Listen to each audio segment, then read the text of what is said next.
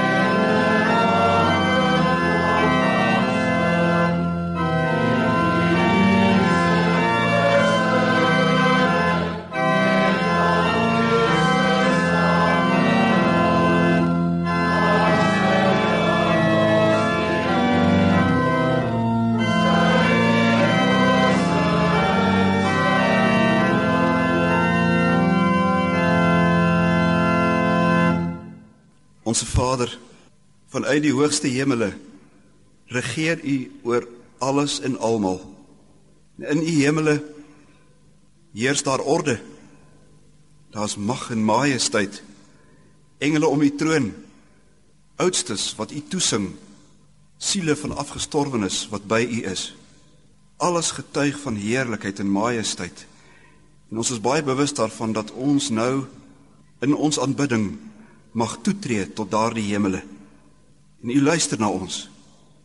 U sien ons hier op die aarde waar ons as gemeente bymekaar mag wees en saam mag sing en saam aanbid saam met almal wat in die hemele is. En ons mag ook saam luister na u woord. Maar hier is dit nog gebroke. Hier is daar nog donker dae. Hier stoei ons en stry ons teen sonde. Ons dank u, Vader, dat ons toegang het is gemaak deur Christus ons verlosser. Hy het die pad gebaan deur sy offer heen. Die offer aan die kruis wat ons mag gedenk. Hy het die dood oorwin en ons mag lewe nou reeds hier waar die oog is gerig op op ewige heerlikheid saam met U en almal wat U aanbid. En so mag ons 'n voorsmaakie vandag hê van die heerlikheid wat kom. Gee dat ons in alle heiligheid en heerlikheid u naam sal verkondig. En ons is dankbaar dat ons so bymekaar mag wees vanoggend. Ons bid u onmisbare troos af en genade as u woord oopgaan en ons gaan luister. As u gees nie in ons werk nie, dan kan ons hoor en hoor maar niks verstaan nie. Lei ons deur u gees dat ons hart brandende sal word mag inneem alles wat u Gees in die gemeente verkondig. Hoor ons uit genade as ons hierdie dinge van u vra. Sien ons in liefde aan om ons Here Jesus ontwil. Amen. Die teks vir die woordbediening kom vanoggend uit Johannes 19 vers 23 tot 25. Dis 'n deel van die geskiedskrywing oor die kruisiging van Christus. En toe die soldate Jesus gekruisig het, neem hulle sy klere en maak vier dele vir elke soldaat 'n deel en die onderkleed. Maar die onderkleed was sonder naad van bo af in een stuk gewewe. En hulle het vir mekaar gesê, laat ons dit nie skeur nie, maar laat ons die lot daaroor werp wie se dit sal wees, sodat die skrif vervul sou word wat sê, hulle het my klere onder mekaar verdeel en oor my gewaad het hulle die lot gewerp. Dit het die soldate dan gedoen. En by die kruis van Jesus het gestaan sy moeder en sy moeder se suster Maria, die vrou van Klopas en Maria Magdalena. Hierdie skrifdeel bring ons noodwendig terug by die Ou Testament, Psalm 22. Ons lees daarvan die eerste 20 verse. Vir die musiekleier op die wysie van die hert van die dae geraad, 'n Psalm van Dawid. My God, my God, waarom het U my verlaat? Ver van my hulp, van die woorde van my gebrul. My God, ek roep bedags, maar U antwoord nie. En snags en ek kan nie swyg nie. Tog is U die heilige wat woon onder die lofsange van Israel. Op U het ons vaders vertrou. Hulle het vertrou en U het hulle uitgered. Hulle het U aangeroep en het ontvlug. Op U het hulle vertrou en nie beskaamd gestaan nie. Maar ek is 'n wurm en geen man nie. 'n Smaad van die mense en verag deur die volk. Almal wat my sien, spot met my. Hulle steek die lip uit, hulle skud die hoof en sê: "Laat dit aan die Here oor. Laat hy hom red. Laat hy hom bevry. Hy het mos behaag in hom. Ja, U is dit wat my uit die moederskoot uitgetrek het, wat my veilig laat rus het aan my moeder se bors. Aan U is ek oorgegee van die geboorte af, van die skoot van my moeder af is U my God." Wees nie ver van my af nie, want die nood is naby, want daar is geen helper nie. Baie stiere het my omsingel, sterkes van Basan het my omring. Hulle het hulle mond teen my oopgespalk soos 'n leeu wat verskeuring brul. Ek is uitgestort soos water. Al my beendere raak los. My hart het soos was geword. Dit het gesmeld binne in my ingewande. My krag is verdroog soos 'n potskerf en my tong kleef aan my verhemelte en u lê my neer in die stof van die dood want honde het my omsingel. 'n bende kwaadoeners het my omring. Hulle het my hande en my voete deurgrawe. Al my beendere kan ek tel. Hulle kyk hulle sien met welgeval op my neer hulle verdeel my klere onder mekaar en werp die lot oor my gewaad. Maar u, Here, wees nie ver nie. My sterkte maak tog gou om my te help. Broeders en susters, ons Here Jesus Christus is ons verlosser. Hy het deur 'n pad van geweldige lyding, onbeskryflike lyding, letterlik onbeskryflik, daar's nie woorde daarvoor nie. 100% betaal vir ons skuld. En so het hy die oorsaak van al ons honger en kommer, al ons probleme weggevat. Die oorsaak, die bron van moeilikheid word deur Christus ons verlosser weggevat. Maar dit beteken noodwendig dat daar ook iets dan gebeur met die gevolge van ons ellende. Sy verlossingswerk raak ons in ons daaglikse handel en wandel. Hier en nou. Kruisiging op Golgotha het alles te doen met die klere wat ons aantrek en die kos wat ons eet en die karre waarmee ons ry die huise waar ons woon.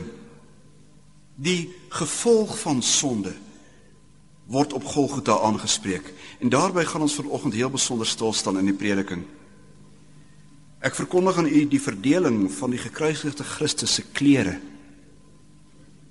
En met die verdeling van sy klere word Christus ter wille van ons gestroop van sy bedekking van sy beskerming en van sy versiering. Want dit is waaroor klere drag grootliks gaan.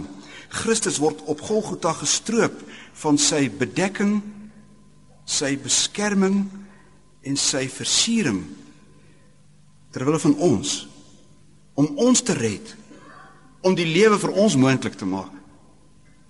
Die apostel Johannes beskryf in enkele woorde onder watter omstandighede Christus gekruisig is. Vanaf Jerusalem, die tempelstad, moes Christus sy kruis dra tot by die sogenaamde hoofskedelplek In Hebreëus word dit Golgotha genoem. Daar op Golgotha word die kruis opgerig onder die wakende oog van die soldate.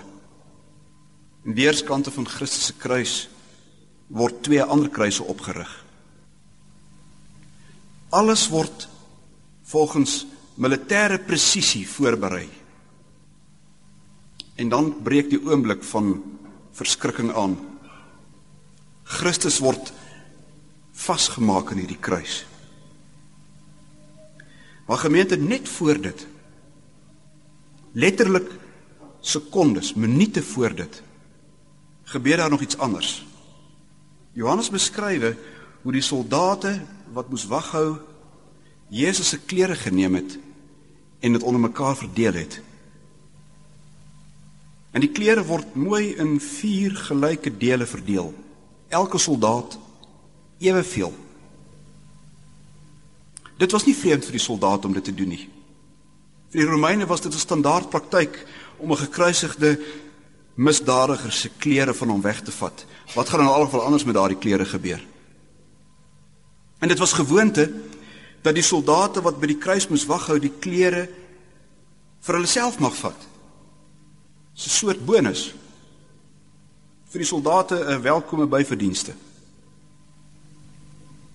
Maar intussen is dit gruisam wat hier gebeur vir die persoon wat gekruisig word. Die hele tyd wat Christus daar gehang het, was hy naak. Hy was kaal. Daar word soveel prentjies van Christus op die kruis geteken wat op sigself al 'n groot probleem is. Maar een van die probleme is dat hy nooit naak voorgestel word nie. Hy was kaal toe hy daar in die kruis gehang het. Ons lees dat die soldate self sy onderkleed van hom weggevat het. En ek kan mens redeneer dat die twee ander misdadigers se klere ook van hulle weggevat is. En dis waar, Christus is nie anders behandel as die ander nie. Maar laat ons luister wat Johannes verder oor hierdie verdeling van die klere sê. Hy verbind dit direk aan die profesie uit die Ou Testament. Hy skryf dat Jesus se klere van hom weggevat is sodat die skrif vervul sou word. Hulle het my klere onder mekaar verdeel en oor my gewaad die lot gewerp. Psalm 22 Woorde van Dawid. Dis nie presies duidelik wanneer Dawid hierdie woorde van Psalm 22 geuiter het nie. Maar ons weet wel dat hy op daardie stadium deur 'n vyand gevang is en hy's beroof. Selfs van sy klere beroof. En daar staan Dawid, kaal in die wêreld. Hy het niks. En dan vra hy: Here, wees asseblief nie ver van my af nie. My sterkte maak gou om my te help. Dawid is ontnigter as hy daar so staan. Wel wie van ons sal nie wees nie. Maar hy kan bid. Hy vra vir die Here, help. Help deur vir my weer klere te gee. Dawid kan bid. Christus aan die kruis nie. Want as Christus aan die kruis hang, weet hy God staan ver van my af. Christus weet dat die diepste diepste oomblik van lyding binnekort gaan aanbreek. 3 ure van duisternis. Hy weet God gaan hom totaal verlaat. Christus weet dat dit eintlik God is wat sy klere van hom wegvat. God, nie die soldate wat 'n handige stukkie byverdienste bymekaar maak nie. Aan die kruis vat Christus die woorde van Dawid in Psalm 22 en hy vervul dit. Dawid het uiteindelik sy klere weer teruggekry. God staan nie ver van hom af nie. Hoekom? Omdat die groot saad wat uit Dawid sou voortkom deur God verlaat sou word. Ons kan dit so sê dat dat Christus op Golgotha die reg verwerf sodat Dawid sy klere weer kan terugkry. Dawid kry sy klere om Christus wil terug. Hy word opnuut aangetrek deur God omdat Jesus Christus deur God uitgetrek word. Dit is baie groot om daaraan te dink. Maar so is die vervulling van Psalm 22 vir elkeen wat die Here liefhet van onskatbare waarde. Ons verlosser is op Golgotha liggaamlik blootgestel aan wind en weer sodat ons nooit weer deur God verlaat sou word nie. Omdat Christus naak aan die kruis gehang het, kan ons met vertroue bid. Onse Vader wat in die hemel is, gee ons elke dag brood. Let wel broeders en susters, ons bid met vertroue wetende dat dat God hoor en hy verhoor ons. Christus se liggaamlike blootstelling is die is die grond vir die verhoring van ons gebede. Ons hemelse Vader sal ons nie aan ons ellende oorlaat nie. Hy sal ons versorg met dit wat ons vir die liggaam nodig het. Dit maak my dankbaar. Want die klere wat ons het, dit dit mag ons dra om omdat Christus dit vir ons gee om te dra. Dis klere waarvan hy beroof is. En die kruise, die huise waarin ons mag woon. Ons het dit aan Christus te danke. Dis 'n plek van beskutting en veiligheid. Christus moes dit ontbeer op Golgotha. Hy het dit nie gehad nie. Alles waarmee die Vader ons elke dag versorg, het ons te danke aan die Seun. Ons verdien nie 'n goeie werk en 'n salaris en vakansie nie. Ons praat soms so, jy verdien dit kom jou toe. Maar in die waarheid is daar geen basiese reg op gelyke geleenthede nie. Alles wat ons het, het ons danksy ons verlosser wat tot sy klere verloor het. Ons het baie voorregte. En daarvoor moet ons dankbaar wees. Kyk na wat jy het. In die gemeente wees getroos met die oog op die toekoms. Daar kom dae waarin die oorvloed verdwyn en daar kom tekorte. Sommige van ons ondervind dit nou al baie konkreet. Daar's nie genoeg middele om al die gate mee toe te stop nie. As mens al moet dink aan al die stygende pryse wat nou gaan kom, dan raak mens nog meer benard. En jy raak bekommerd, is daar is daar kos vir die klere vir die kinders en en gaan ons al die punte bymekaar hou, gaan ons warm genoeg goed kry vir die winter. En dan moet ons vashou aan Christus op Golgotha. Om sy ontwil is God nie ver nie, maar hy is naby. God bly altyd weer sorg deur nuwe moontlikhede te skep waar jy besmoontlik die moontlikheid nog nie gesien het nie. En baie belangrik gemeente dat God binne die ruimte van kerk sorg. Diakonale steen is ter wille van die gekruisigde liggaam 'n kragtige middel in die hand van die Here om sy kinders met klere te bedek en met alles wat nodig is. As jy deel is vir die kerk van Jesus Christus, hoef jy nie 'n dag sonder kos en klere te gaan slaap nie. In die kerk van Christus geld die belofte van Psalm 146. Dis die Heer wat aan die arme in sy druk laat reggeskied, wat uit liefderyke erbarme hongerige spyse bied. Christus is van sy bedekking beroof vir ons en hy is van sy beskerming beroof. Die bedoeling van klere is nie net om die liggaam teen wind en weer te bedek nie. Ons blaai verder terug in die Bybel as Psalm 22. Ons kom by Genesis 3. Die eerste mense paar val in sonde. Voor die sondeval was die mens naak, hy en sy vrou. En dit was goed. Maar na die sondeval was dit nie goed dat die mens en sy vrou naak is nie. Hulle skarrel rond. Hulle bedek hulle naaktheid met met vye blare. Die skrif leer vir ons in Genesis 3 vers 7 wat die rede vir hierdie geskarrel is. Want hulle oë het oop gegaan. En toe word hulle gewaar dat hulle naak is. Skaamte dryf die mens om homself met vye blare te beskerm. En van daardie skaamte lees ons in Psalm 22. Dawid bevind hom in 'n uiters benarde posisie. As sy vyand sy klere van hom steel en dan met welgevalle op hom neersien. 'n Mens kan vir jouself die die hele beeld voorstel hoe dit moes gewees het. Hoe kan hy ooit weer in die openbaar verskyn? Hoe hoe kan sy medemens hoe kan hy hom in die oë kyk? Kan 'n mens erger verkleineer word as dat jy kaal uitgetrek word en dan in die openbaar tentoongestel word en almal jou in jou naaktheid aanskou?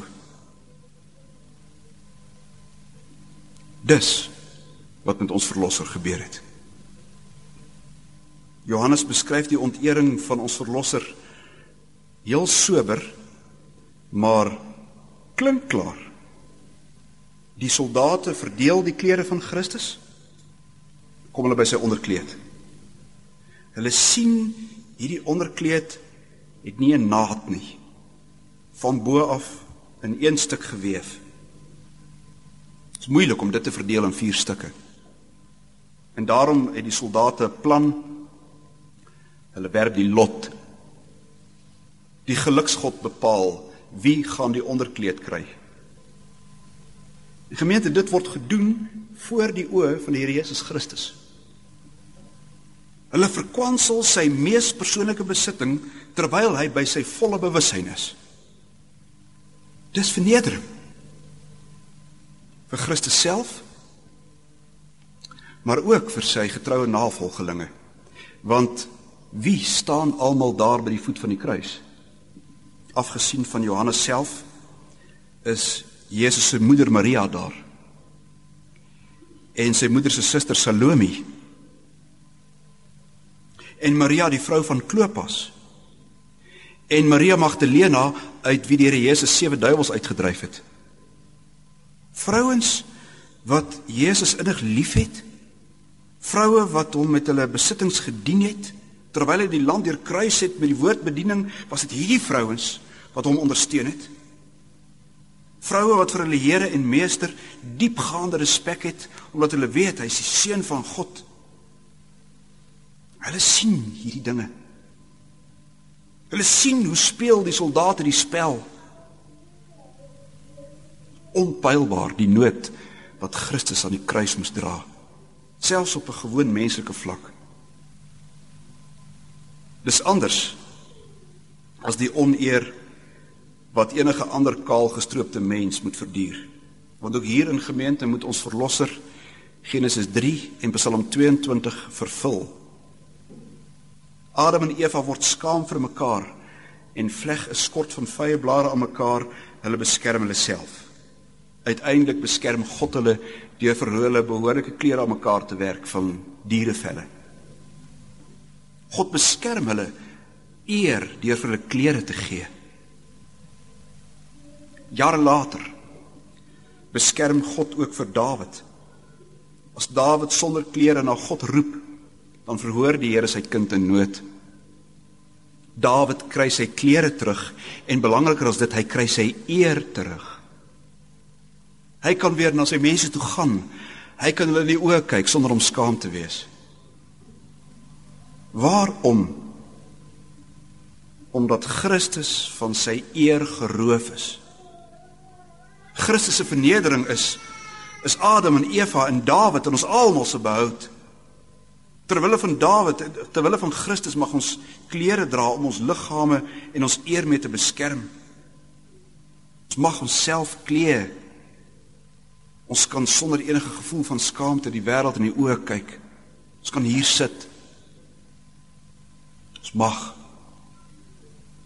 Ons moet Christus se vernedering op Golgotha gemeente verplig ons om eerbaar te leef te midde van 'n verrotte samelewing wat al meer en meer skaamteloos optree. U weet hoeveel tydskrifte en filmvervaardigers en advertensiemaatskappye daarop uit is om die naakte mens te bemark. Ons jeug word gereeld daarin blootgestel. Pornografie. Nie altyd sonder hartseer gevolge nie.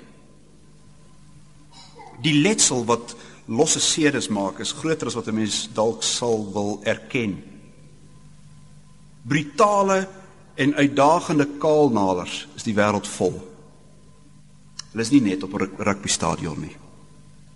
Dis mense wat sê dat hulle reg daarop het om aan te trek wat hulle wil of om nie aan te trek nie wat hulle wil.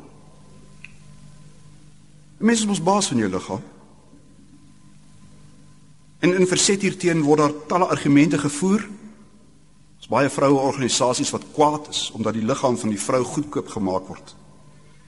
En dikwels word daar gesê, waar is so 'n mens se se skaamgevoel, sy selfrespek? Maar die eintlike vraag is, waar is so iemand se geloof in Jesus Christus, ons gekruisigde verlosser? Iemand wat sy of haar eer nie met gepaste klere beskerm nie, vergeet hoe Christus aan die kruis gehang het. Christus het ons nie verniet van eerloosheid verlos nie. Hy beveel ons nie verniet om onsself behoorlik te klee nie. Luister hoe Christus met die modebase en die ander gemeentelede van die kerk in Laodicea praat in Openbaring 3 vers 17. Ek raai jou aan om van my wit klere te koop dat jy dit kan aantrek en die skande van jou naaktheid nie openbaar word nie.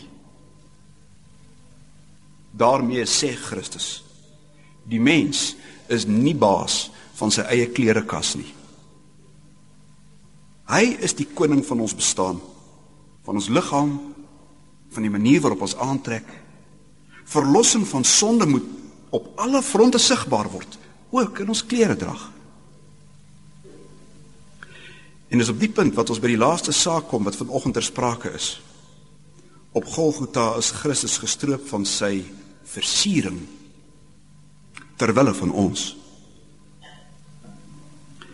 Dit is beslis nie sonder rede gemeente dat Johannes uitbrei oor die onderkleed van die Here Jesus nie anders as die ander drie evangeliste noem hy spesifiek dat hierdie onderkleed sonder naad was in een stuk gewewe.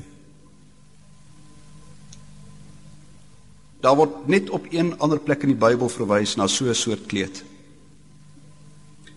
Eksodus 28 vers 32.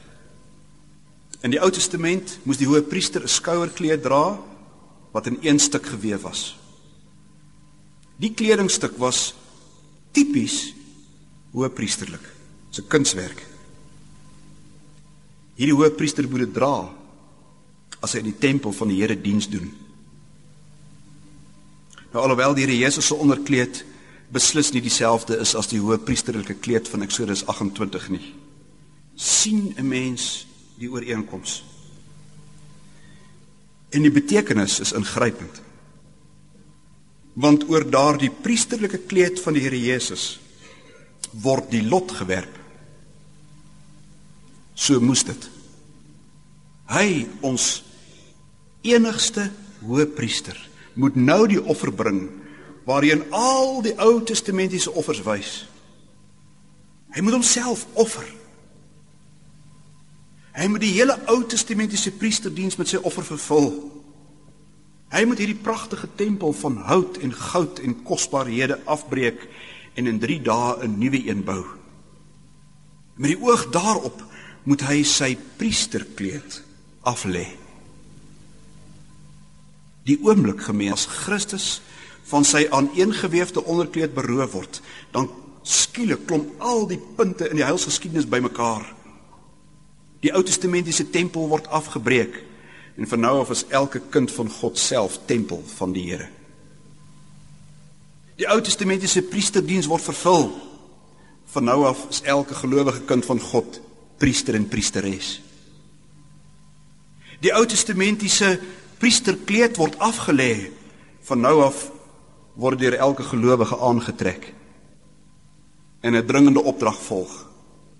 Jy wat tempel van die Heilige Gees is, versier jouself met suurlike kleding want jy is die tempel van God. Dit beteken aan die een kant bedek en beskerm jou liggaam tot eer van die Here. Moenie jou God gegeewe eer op die spel plaas nie. Dit beteken aan die ander kant klee jou so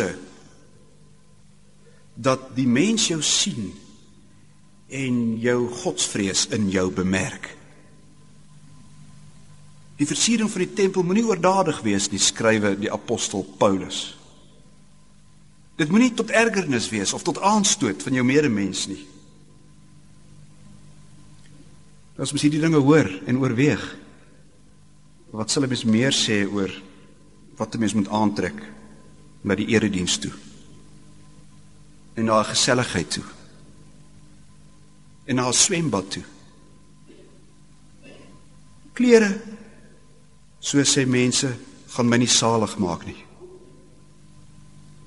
Sonder klere word ons ook nie salig nie. In watter priesterkleed wil die gees van God sy tempel gekleed sien? Die tempel wat op pad is na die ewige heerlikheid, na die saligheid. Kyk na jou verlosser op Golgotha, dan weet jy wat om te koop en wat om aan te trek. Ook in die kerk, in die erediens, waar ons in die direkte teenwoordigheid van die almagtige God is. Hoe versier ons onsself en ons kinders ter wille van Christus wat naak aan die kruis gehang het? Christus vernedering aan die kruis. Gemeente, dit is duidelik, dit gaan meer as oor verlossing van sonde en betaling van skuld. Die kruis van ons Here Jesus Christus maak die hele lewe nuut. Ons is dankbaar Om Christus wil het ons 'n dak oor die kop. Ons het kos in die kas. Ons word getroos om Christus wil sal ons elke dag deur die hemelse Vader versorg word, ook in die maarjaar as dit kom. Ons eer word beskerm deur die Vader in die hemel. Maar ons word huis toe gestuur met 'n vermaaning.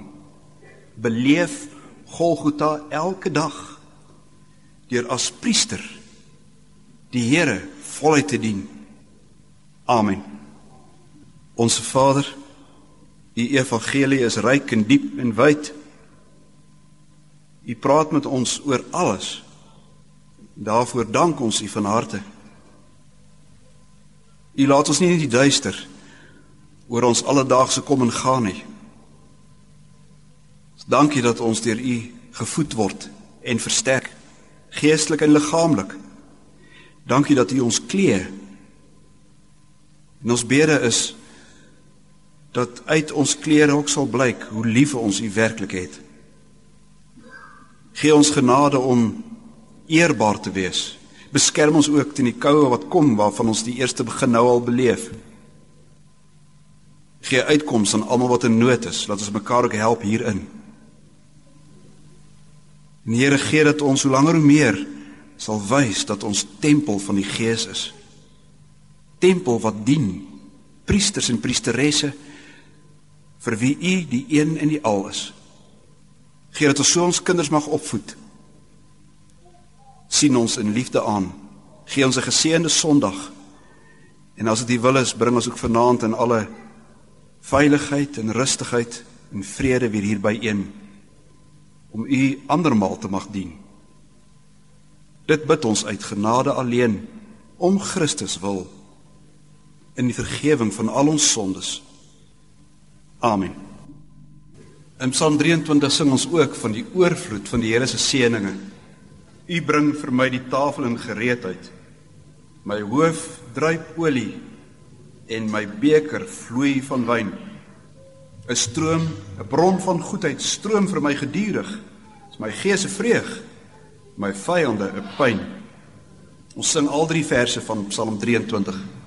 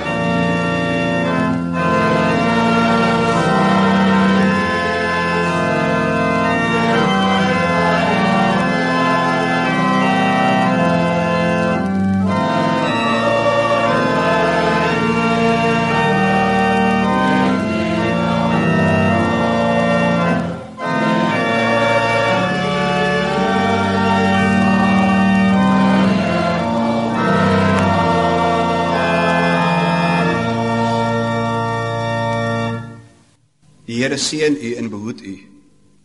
Die Here laat sy aangesig oor u skyn en hy is u genadig. Die Here verhef sy aangesig oor u en hy gee vir u vrede. Amen.